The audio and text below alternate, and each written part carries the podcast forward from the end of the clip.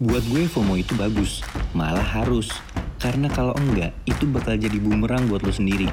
Bayangin, lo nggak FOMO, terus ada satu makanan yang lagi ngetren banget, tapi lo nggak beli dan nggak pernah cobain.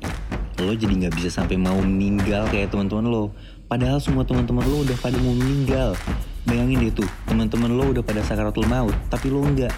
Terus setelahnya, lo hidup sendiri di dunia ini tanpa teman-teman lo. Serem kan?